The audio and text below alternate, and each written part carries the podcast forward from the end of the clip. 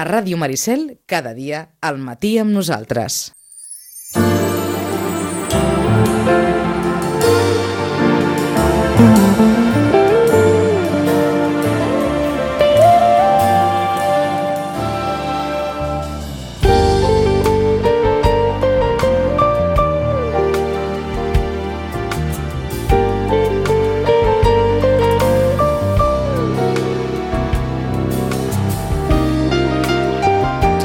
Doncs eh, un espai amb la col·laboració, com sempre, d'Eurolocal. Joaquim Millán, bon dia. Molt bon dia. Mm, no hi haurà Brexit demà?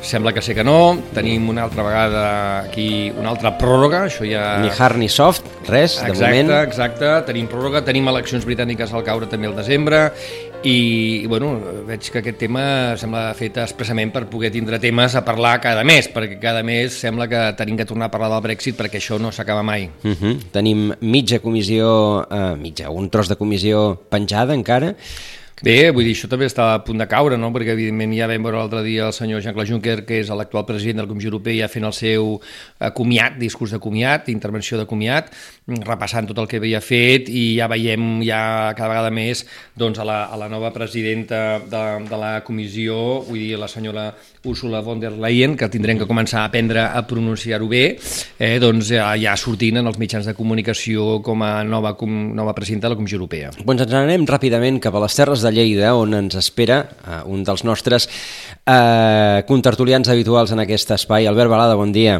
Hola, molt bon dia i per molts anys. Moltes gràcies, Albert. doncs, es, escolteu, hem, de fet, hem, hem, eh, vam triar de dir, va, avui tinguem els, els contertulians de capçalera perquè demà hi haurà Brexit. I ves, i ves ens, ens, ens ha enxafat la flauta.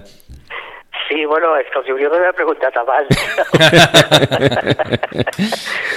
No hi haurà Brexit demà, no hi haurà Brexit demà. Va, no, de fet, de fet, a veure, el Brexit sí que hi serà, i el Brexit hi serà al, al mes de gener.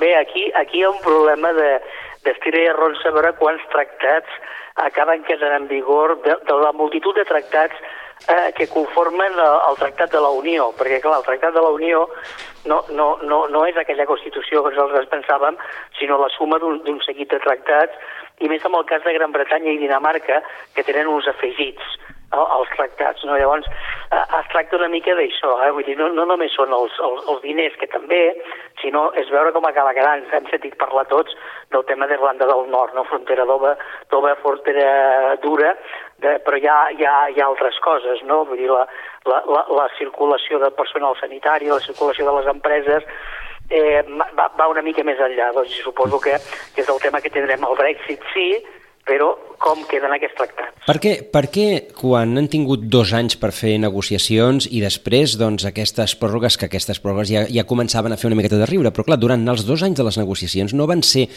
no van ser capaços d'entreveure de, els, els problemes amb els que a banda i banda es podrien trobar? Eh, mireu, si, si compareu això amb qualsevol cosa de la política internacional o de les polítiques locals, veureu que és com una pràctica habitual, no? Diguem, um, tenim temps suficient, ho, ho, podem, ho podem solucionar, doncs no s'acaba solucionant. Per què? Doncs a, a, en realitat perquè s'està sempre en posicions eh, tan antagòniques que en realitat no són tant, eh, quan vas a mirar una mica més, més en detall, però són posicions eh, antagòniques i en les que, diguem, la negociació pròpiament no es dona mai. Uh -huh. quin, quin, quin és la, la, la, la, la, el que en diríem d'això? Doncs mireu, el, el tema democràtic no el tenen gaire pres. Sembla mentida.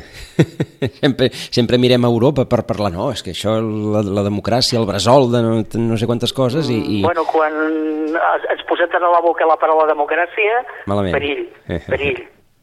Um, per tant, en el fons això eh, ha donat tota la sensació de que, de que ha estat una estratègia negociadora per part, per part de tothom. L'altre ja se dirà perquè té a perdre.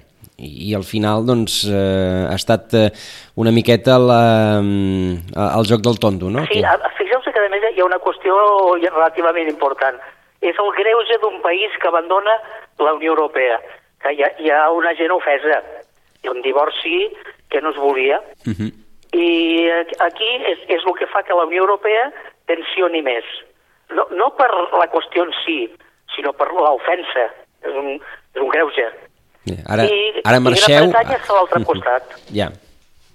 Ah, ah, de tota manera, mm, hi ha una hi ha una certa polarització, en el, en, almenys això és la percepció que en tenim des d'aquí, mediatitzada, sens dubte, eh, pels mitjans de comunicació de, de, de la societat britànica sobre si, si és convenient encara, malgrat el referèndum, malgrat de tot eh, el que va passar, donar aquest pas. Hi ha mm, una part important, no sabem quina, perquè no faran un segon referèndum de moment per, per decidir-la, però una part important de la societat britànica que, que bé, que entén que, que potser aquest pas eh, ha anat una miqueta més lluny del que tocava.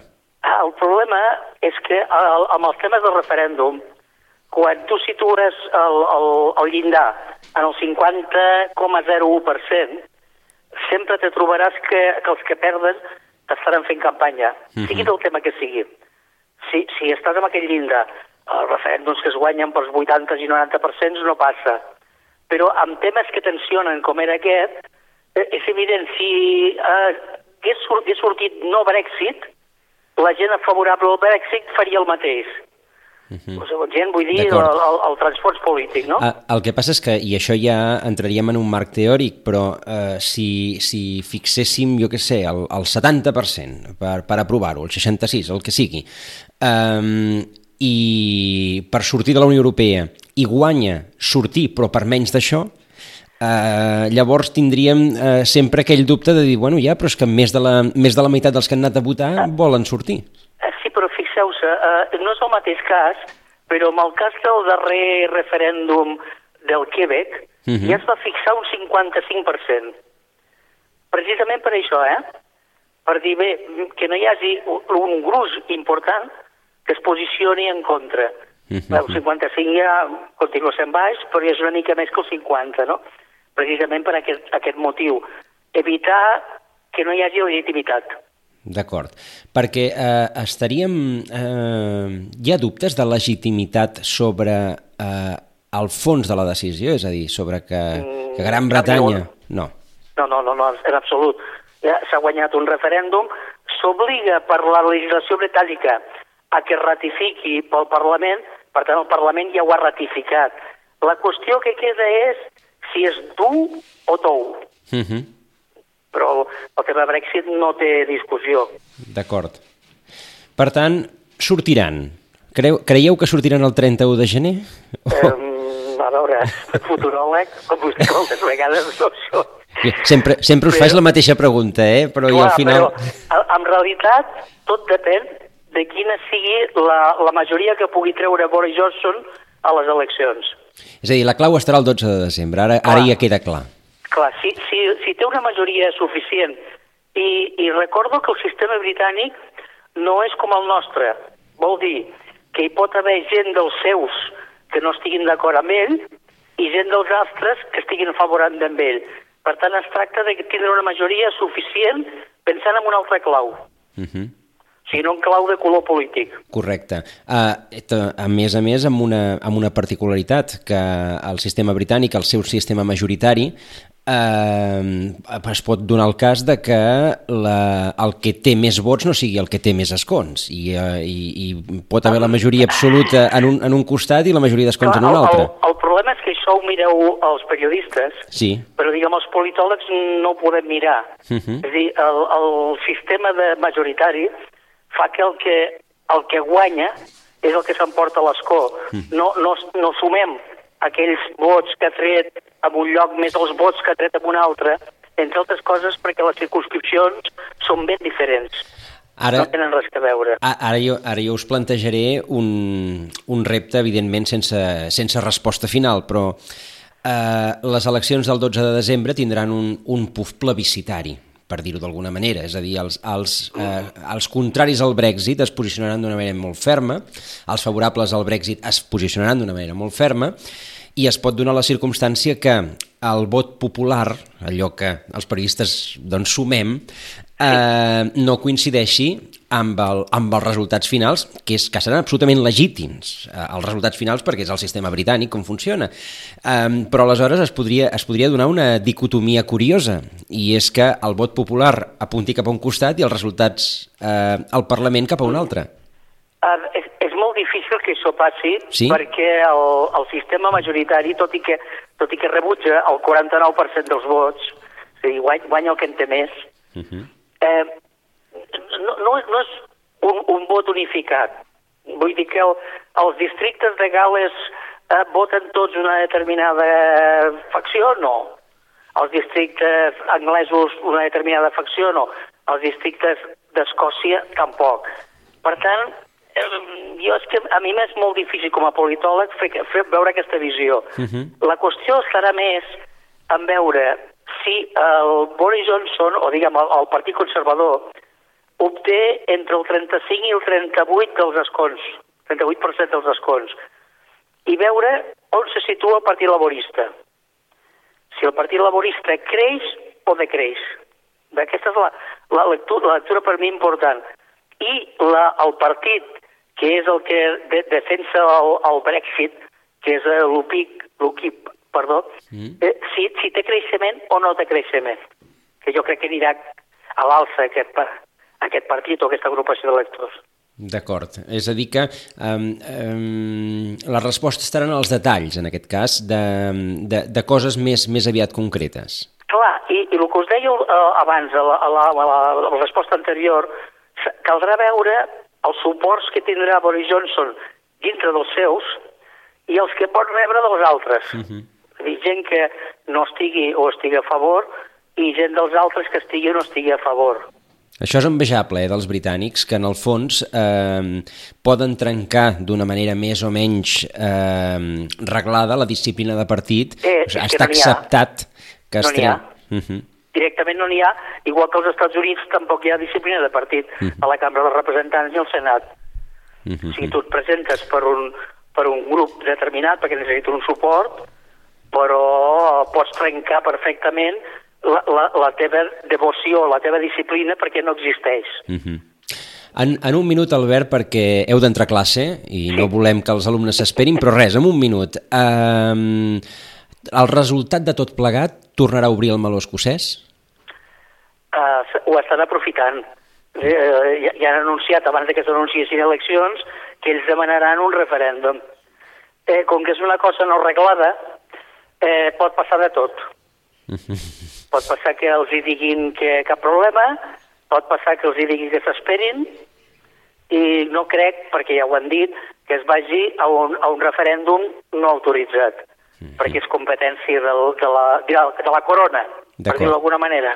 Eh?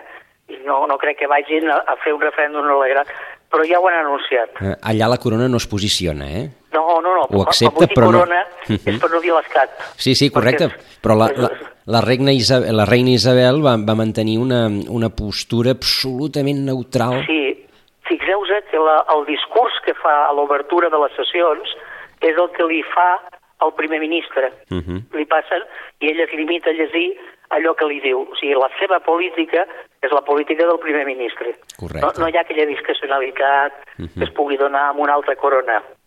No hi és. Doncs eh, dos quarts en punt. Albert, Moltíssimes gràcies. L- Lamento no poder estar més amb vosaltres, però les obligacions manen. us saluda Molt bé, Albert, fins la propera. Forta abraçada. Fins la propera. Abraçades. Adéu, bon dia.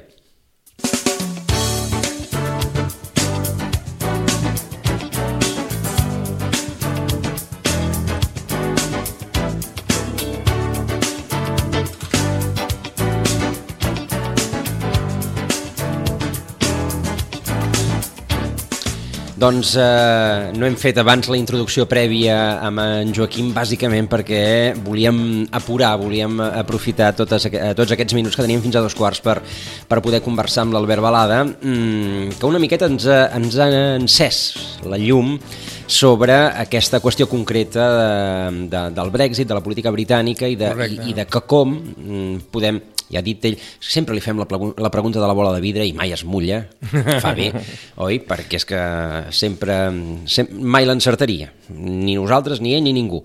Però en qualsevol cas sí que eh, una miqueta hem, eh, hem vist el camí. El diable al final està en els matisos, què passa amb els laboristes... Si més no, de forma molt pedagògica, que jo sempre, i Joan ho parlem sempre fora micro, de que a vegades també és agrair a aquelles persones que col·laboren amb el programa o que a vegades els hi demanem que puguin intervindre que siguin pedagògics, no? per, especialment no perquè el tema europeu sigui més complex, però sí que a vegades no és eh, poder, no ho tenim tan present els nostres oients eh, en el seu dia a dia i a vegades doncs, reflexions d'aquest tipus pedagògiques també ens obren a la llum de el per què, el com, el quan, no tant el resultat, que també és molt important, però sinó també les formes. No? Jo penso que tu, quan parlaves, per exemple, de, de, de, de, de, que ja no hi ha tampoc aquesta aquesta obligació de mm, allò de que el partit t'obliga quasi, quasi a, a que tu no tinguis uh, opinió.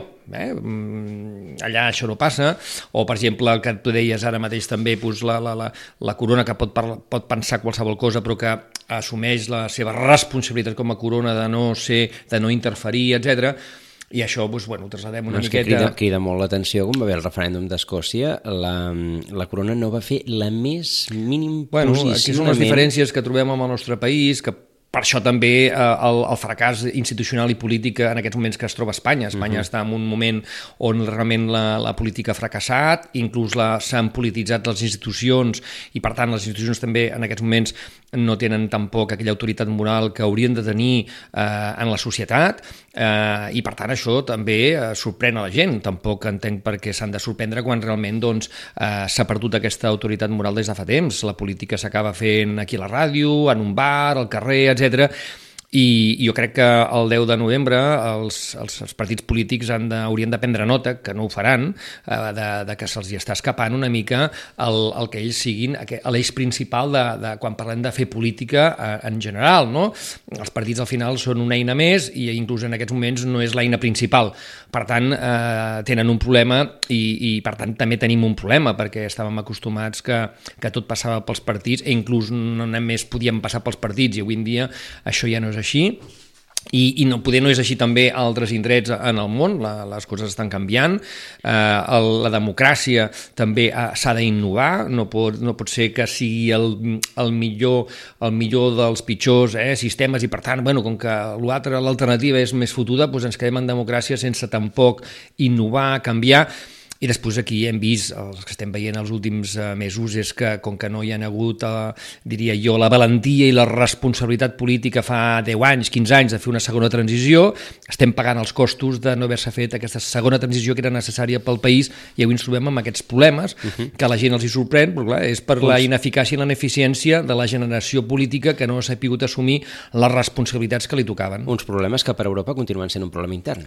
Sí, eh, bueno, és un problema intern a nivell europeu, també et diria diria que aquests problemes que tenim aquí no són els mateixos altres països del nostre voltant, que també tenen uns altres problemes. Per tant, també veiem eh, que en aquests moments hi ha una transició a nivell, de, a nivell general, ja ho dèiem a principi d'aquest segle, les noves tecnologies eh, també eh, han, han fet reflexionar també en l'àmbit polític, però eh, deixa'm dir, no? jo penso que mm, d'això s'ha d'aprendre i a mi el que ens sorprèn és tornem a anar a unes eleccions el 10 de novembre amb els mateixos candidats, per cert, sis senyors, podria ja haver-hi alguna senyora que pogués també presentar-se, cosa que també fa que no estiguem una mica a l'actualitat, eh?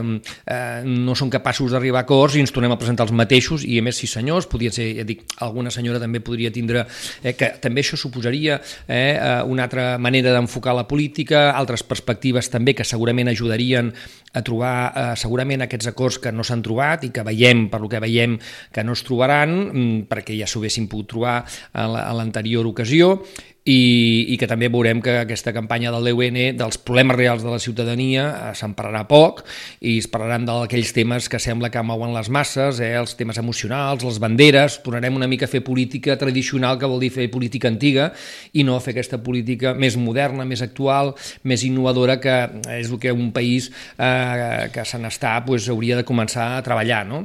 I això també està passant eh, quan parlant del Brexit, pues, veiem que malgrat tot la política britànica segueix encara estant viva amb tots els, amb tots els ets i uts i amb totes les crítiques que des d'aquí també els hi puguem fer, però si més no, Uh, vull dir, se'n donen compte de que les coses no són ni blanc ni negre, com ens deia l'Albert, i que, per tant, uh, ells també tenen més tradició democràtica i també suposa més tradició d'arribar a acords, cosa que aquí també ens ha costat més o ens està costant molt més, I també veiem que les coses no són fàcils, tampoc els britànics eh, ho tenen fàcil en aquests moments, la societat també no deixa d'estar dividida eh, envers el Brexit, que tindrà unes conclusions i unes conseqüències que amb alguns potser no són conscients de les que seran, uns altres tampoc, i per tant veiem que la política en general, eh, en el, a nivell europea i mundial també, eh, veiem Xile, Hong Kong, etc, tal, Estats Units, en fi, no, no, no és fàcil de gestionar avui en dia societats més complexes, més diverses, més polièdriques, i també això suposa que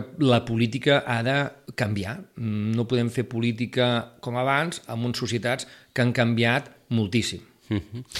um, a l'1 de novembre comença a caminar la nova comissió, Correcte. von der Leyen, i una comissió de moment amputada. Bueno, amputada, però també deixen ser positiu perquè eh, de moment els hi hem de donar, no sé si els 100 dies o els 300 o els que siguin, però els hi hem de donar els dies també de marge.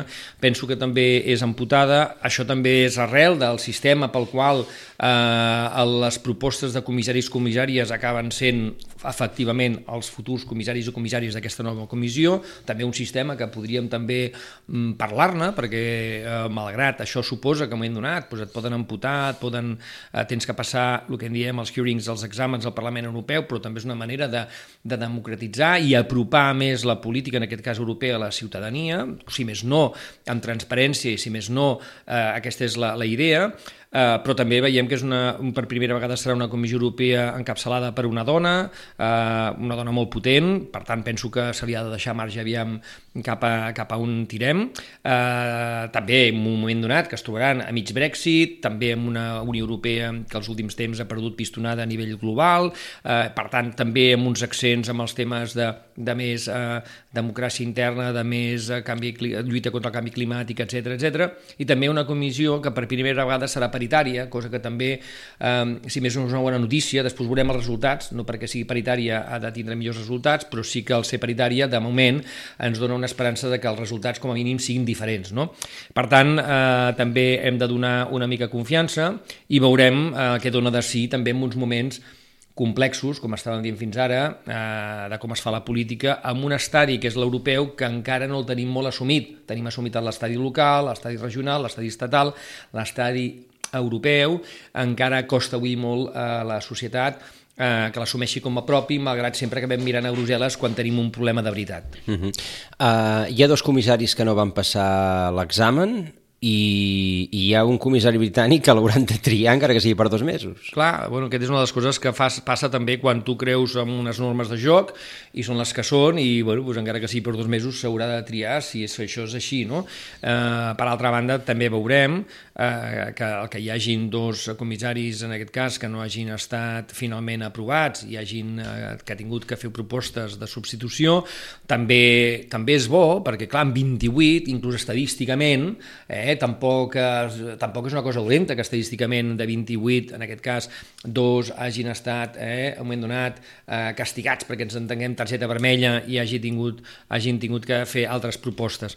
De fet, això també és una mica la riquesa d'una Europa que també és diversa, de manera de funcionar, de pensar, etc, malgrat ens acaben unint uns objectius comuns socials, econòmics i també cívics, perquè penso que també té que haver-hi una aposta en la nova comissió també d'això que en diem ciutadania europea, justament en un moment donat on la mobilitat ha crescut moltíssim, ho veiem al nostre, al nostre poble, a Sitges, mm, constantment veiem gent que de qualsevol indret eh, s'afinca aquí, eh, veiem sitgetans i sitgetanes que estan triomfant arreu del món perquè estan vivint a altres llocs, que abans poder era al revés, veiem més, posàvem més l'accent amb gent que venia de fora aquí, però veiem que molta gent també d'aquí està vivint i, i triomfant a altres llocs de, del món i ho veiem constantment també, i això poder també comença a ser ja notícia i dintre de poc ja no ho serà, perquè uh -huh. la mobilitat eh, ens està obligant a això eh, perquè la pròpia societat és la que, com dèiem abans, la política, torna una mica la política inclús l'economia, però l'economia sempre està molt més al dia, eh, però la societat avui en dia està, és la que està més al dia, perquè és la que pren les decisions de manera, quan hi ha mobilitat, la pots, les pots prendre d'un dia per l'altre, eh? ens anem a, demà a Berlín i ens quedem a viure, i muntem un negoci, o treballem, o estudiem, o ens mobilitzem, etc. Per tant, vol dir que estem en, un, en, una, en una situació diferent que jo penso que encara no s'ha pres molt bé com gestionar-la, però que és urgent eh, tindre, tindre aquesta, aquest nivell europeu que gestioni eh, aquesta societat europea mm, complexa, diversa, però cada vegada també eh, amb unes demandes molt més concretes. Doncs incorporem aquí el nostre segon tertulià, contertulià del, del programa d'avui, el senyor Xavier Ferrer, el president del Consell Català del Moviment Europeu. Senyor Ferrer, bon dia. Bon dia. Uh, I comencem, comencem amb el mateix que li hem preguntat abans amb el senyor Balada, perquè de fet avui voli, eh, era el dia abans del Brexit i al final no serà el dia abans del Brexit. Tindrem Brexit si, si no canvia res, que ja ha canviat tres vegades, el 31 de gener.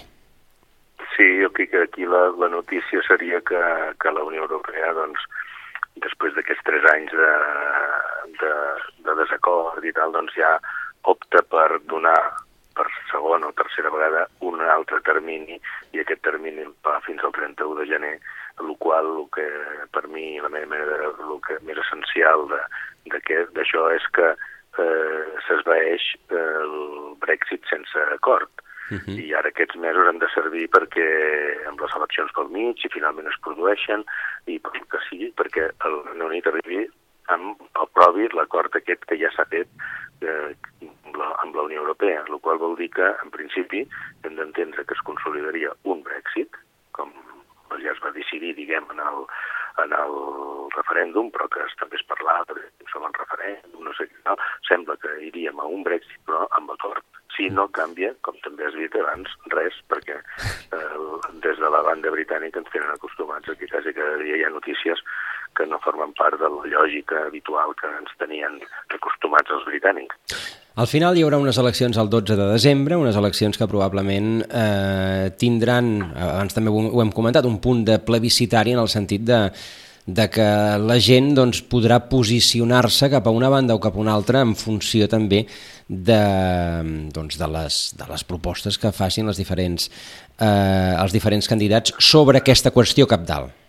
Sí, sí, és, és evident que de, de, del que surti de les eleccions, a part de, dels diputats o de les majories, que també s'ha d'entendre, comparant-ho amb la situació, diguem, en l'estat espanyol, que les majories que es, que es composen en el britànic, amb el, en el sistema britànic, que és un sistema majoritari, no són eh, clares. Aquí, diguem, tothom vota, un partit vota sempre el que se'ls diu, no? Uh -huh. Els diputats allà, cada un va una mica amb la funció de, de l'àrea que l'han que l'han votat això d'una banda i de l'altra hi haurà l'opció de que d'entrada seguiran a les, a les eleccions i cada partit tindrà respecte al Brexit una posició clara i concreta, que segurament no serà la mateixa d'un i de l'altre. Per tant, és veritat que eh, les, aquestes eleccions, segons com acabin anant, poden donar un altre tom en això del Brexit. Però torno a lo primer, des de l'àmbit, diguem, eh, de la Unió Europea està posant totes les facilitats perquè aquest Brexit sigui eh, acordat. D'altra banda, és l'opció més, més, més lògica, perquè el que sí que seria impensable per l'economia i per la relació dels estats eh, de, de la Unió Europea, no? doncs un Brexit sense acord, que això, repeteixo, sembla que s'esvaeix, fins i tot també amb les possibles eleccions queda, avui, avui està, diguem, descartat. Què, què ha fallat perquè la cosa hagi hagut de, de dilatar-se tant, tantes amenaces, han saltat primers ministres, em sembla que porten, que porten tres eleccions en quatre anys, gairebé com, com aquí, amb, amb, tota, amb tota la qüestió aquesta, i, i no sé si preguntar de qui ha estat la culpa, si ha estat més la culpa bueno, britànica o culpa de, de la Unió. No, la, o sigui, això ve en origen o s'inicia tot això per la decisió de Cameron el 2015 amb una situació interna de, del Regne Unit, de política interna, doncs li sembla que de debat, de debat també, si, si era idoni seguir la Unió Europea o no, li sembla que el més idoni és fer un referèndum perquè el guanyaria, eh? i es guanyaria vol dir quedar-se a la Unió Europea, uh -huh. i per tant apagava tota les, eh, la força de l'equip i dels partits que, que estaven per sortir-ne. La sorpresa va ser que, que sortís, és veritat que també s'ha de dir, i això són un dels problemes que hi ha, per un marge de vots molt, molt petit, que se volia sortir de la Unió Europea, i això va sorprendre a el 90% de la ciutadania europea continental i governs, i també a molta gent, fins i tot els que van guanyar, eh, els que van votar pel Brexit en el Regne Unit, i va requerir gestionar una situació que, encara que alguns la volien amb el sentit, diguem, de, de sortir de la Unió Europea, eh, aquests van ser els que de seguida van dir que, que no, no eren ells que l'havien de gestionar. Es va haver de gestionar un partit que, en principi, el que volia era quedar-se a la Unió Europea. Llavors, què passa? En aquests tres anys, la situació dintre del, del, del Regne Unit és molt igual, no? uns a favor, els altres en contra, i també alhora molt desigual, uh -huh. perquè hi ha zones urbanes que van votar quedar-se, bàsicament, zones més eh, afectades per la crisi industrial, doncs, i, eh, doncs van votar doncs, de sortir-ne, amb una idea de, de que amb una sobirania més eh, real doncs els iria millor i després una altra cosa que també els hi portarà molts problemes a la meva manera de veure en el futur immediat és que territorialment Regne Unit són quatre diguem, nacions, quatre estats dintre d'un mateix estat, no? que, que van votar diferent. O sigui, Escòcia va votar un 63% per quedar-se a la Unió Europea i Irlanda del Nord també amb un 50 i tants per cent per quedar-se. Per tant, això genera que, que la gestió interna del Brexit és molt complexa. Uh -huh. Tenint en compte més que eh, amb aquest darrer acord eh, amb el que s'ha arribat amb la, eh, amb la Unió Europea ha definit aquesta, eh, aquesta situació com a mínim curiosa i, i gairebé eh, en premi per Irlanda del Nord, eh, mantenint una sí. frontera tova eh, amb Irlanda i, i, i fent que la frontera dura sigui a l'interior, entre cometes, del Regne Unit, és a dir, al mar. Això, és el que va dir el Michel Barnier, que és el, és el negociador de la Unió Europea, és la quadratura del cercle. Uh -huh. Això eh, és veritat que es va arribar a un acord que és era pràcticament impossible i s'ha fet possible. I la gestió d'aquest acord ja veurem com s'hi ha fent, però de moment serveix perquè es pugui tirar endavant. Jo aquí faria una reflexió i que mm, la següent, que en política, amb voluntat política, es poden fer molts acords, i això ara, sense parlar d'aire concret, que serveixi per a altres zones de, d'Europa. Eh? De la Unió, sí, ja, ja, ja entenem, ja entenem la metàfora. I una, molt, i una molt propera a casa nostra, no? que si hi ha voluntat, sempre hi ha elements per l'acord, uh -huh. per més complexes que siguin. Per tant, podem extreure una altra conclusió. Si no hi ha cap element per l'acord, és que probablement no hi ha voluntat per, per bueno, arribar-hi, oi?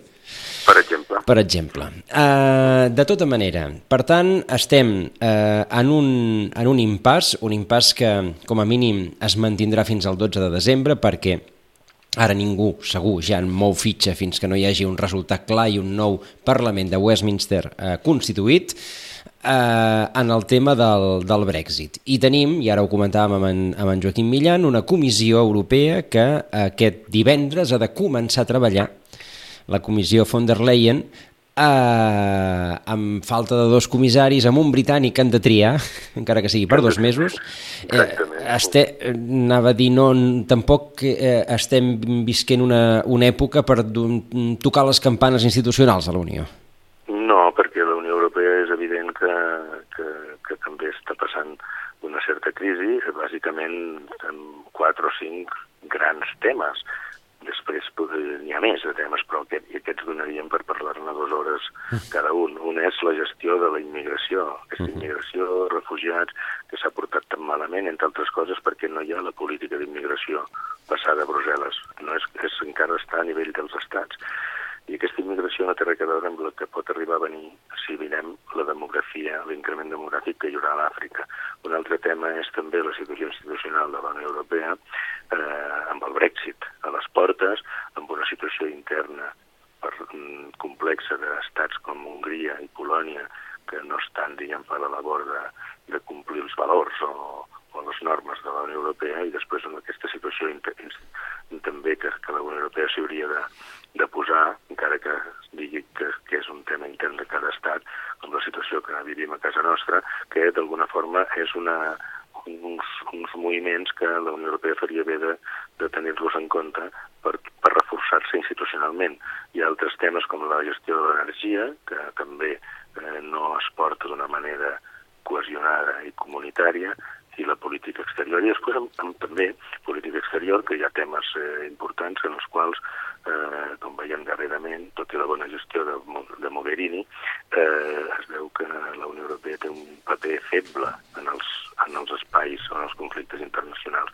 I després un tema que a mi em preocupa molt, que és, i això ja és intern,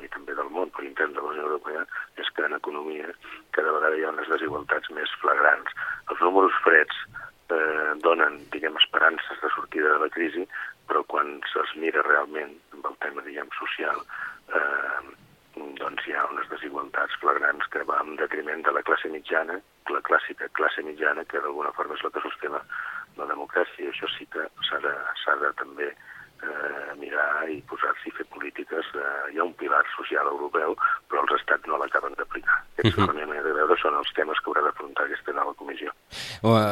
Uh, un, uns temes, tots ells, el que comentava, valdrien per dues hores de debat i, i probablement mm, tots, tots ells eh, per fer quadratures del cercle, ja que hem anat a, la, a les paraules de Berni abans. Eh, eh, eh, en, el, en el fons, eh, la Unió Europea està, eh, a partir d'aquesta reflexió, certament amenaçada per, per ella mateixa, per, per aquesta incapacitat que està tenint probablement per, per adaptar-se al, al temps que li toca viure.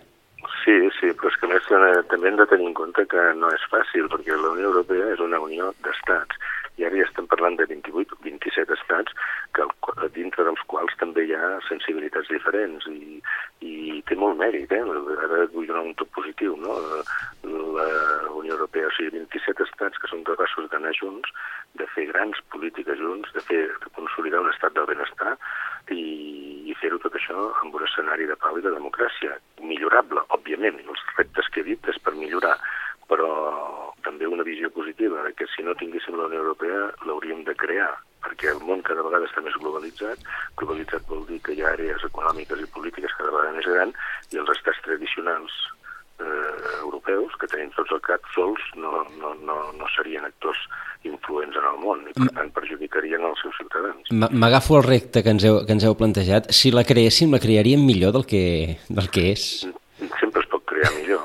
Per això, eh, això estem els ciutadans també, no només amb les eleccions, sinó amb el dia a dia, de ser d'exigir que, que, que hi hagi millor. El que no es pot millorar són les dictadures, perquè ja, ja no es deixen. No? Ja, ja són bones. Uh, sí, ja bueno, són... exacte, però, però les democràcies, sortosament, igual com els drets, sempre s'han d'anar treballant i mirant de que no es perdin i poder ser millorar-los. Mm -hmm. Bueno, de totes maneres, com dius tu, eh, Xavier, eh, és allò de l'alternativa del el cost de la no Europa, eh? és a dir, si no tinguéssim l'Europa que tenim, quin cost tindríem? Per això, per això. Però això tampoc ens pot justificar que l'Europa que tenim eh, ja ens podem. Eh, allò que dius, complaure de que la que tenim ja està bé. També és veritat que eh, l'Europa que tenim avui va néixer i va, va, va l'origen i el naixement, eh, l'ànima, eh, era en un moment donat molt concret, les coses han canviat durant tots aquests més de 60 anys i especialment els últims 20 i jo penso que aquí eh, a Europa hauria de poder en aquesta nova comissió, no sé si tu estàs d'acord, eh, ser una mica més valenta que una mica la, la comissió Barroso, que va ser mm, no toquem res, que anem bé, eh, el Juncker s'ha trobat que les coses s'han mogut més de, del tablero de lo que s'esperava, en el món també, la cosa va molt més ràpida, però jo penso que el repte que té en aquests moments l'Ursula von der Leyen és la de que o posem, posem la quarta marxa ja eh, o el, el món ens, ens està sobrepassant i la Unió Europea, allò que deies tu, cada vegada té menys impacte en temes on fins ara teníem un impacte o teníem una autoritat moral, econòmica, social, inclús institucional i política que estem perdent, no? Sí, sí, clarament. -huh. sí, però també hi ha d'haver perquè pugui funcionar la Unió Europea, els estats que l'han creat li han de deixar fer. I, per tant, hem de donar un salt qualitatiu en el mètode comunitari i no tant en l'intergovernamental, que és el, el, que, el, el que decideixen els estats. Passar àrees que ara estan encara dintre de la intergovernamentalitat en, la, en, el, en a, a Brussel·les, en l'àmbit en el, en el, comunitari. I jo estic pensant en la gestió de la immigració, la gestió de l'energia i, i les i la gestió també, si m'apures, que és molt difícil de la política exterior. No, totalment d'acord. Eh? Poder els estats, en aquest ànim de mantindre la seva quota de poder, que estan perdent per totes bandes, perquè evidentment haurien de donar poder més quota de poder a la Unió Europea per prendre decisions d'aquest tipus que només es poden prendre en, en, en, a nivell europeu, i per altra banda estan perdent també eh, quota de poder cap a, ja no diria cap a les regions, sinó diria cap a les grans ciutats, que són les que al final aglutinen territoris, digues, regions o àrees, àrees metropolitanes, àrees concretes de segons quines ciutats, on és, on és el territori i la ciutadania que fa que passin les coses. No?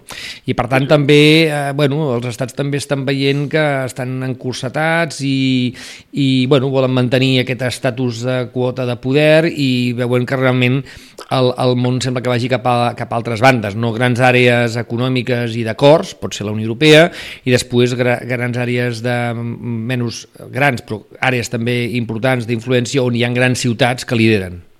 Sí, sí. Bueno, és, bueno, és, això també va, passa una mica que l'economia i la vida en general, les tecnologies, van amb una, amb un, amb una velocitat molt ràpida i la política va més lenta, no?